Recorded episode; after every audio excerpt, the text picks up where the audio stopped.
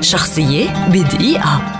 ولد الرسام والكاتب الإسباني الشهير سلفادور دالي عام 1904 في إسبانيا ويعتبر من أهم فناني القرن العشرين وهو أحد أعلام المدرسة السوريالية. يتميز دالي بأعماله الفنية التي تصدم المشاهد بموضوعها وتشكيلاتها وغرابتها وكذلك بشخصيته وتعليقاته وكتاباته غير المألوفة والتي تصل حد اللا معقول والاضطراب النفسي. ففي حياة دالي وفنه يختلط الجنون بالعبقرية لذلك فهو يعد ظاهرة مختلفة واستثنائية في فوضاه في إبداعه في جنون عظمته وفي نرجسيته أيضا. تأثر بالعديد من الفلاسفة والمفكرين أمثال ديكارت نيتشه سبينوزا وفرويد.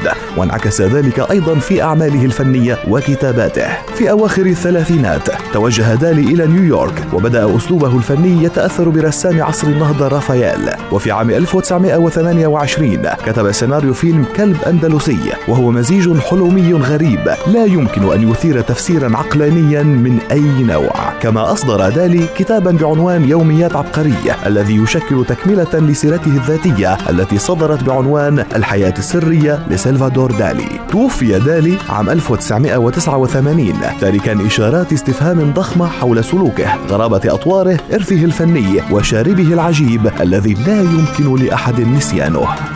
شخصية بدقيقة.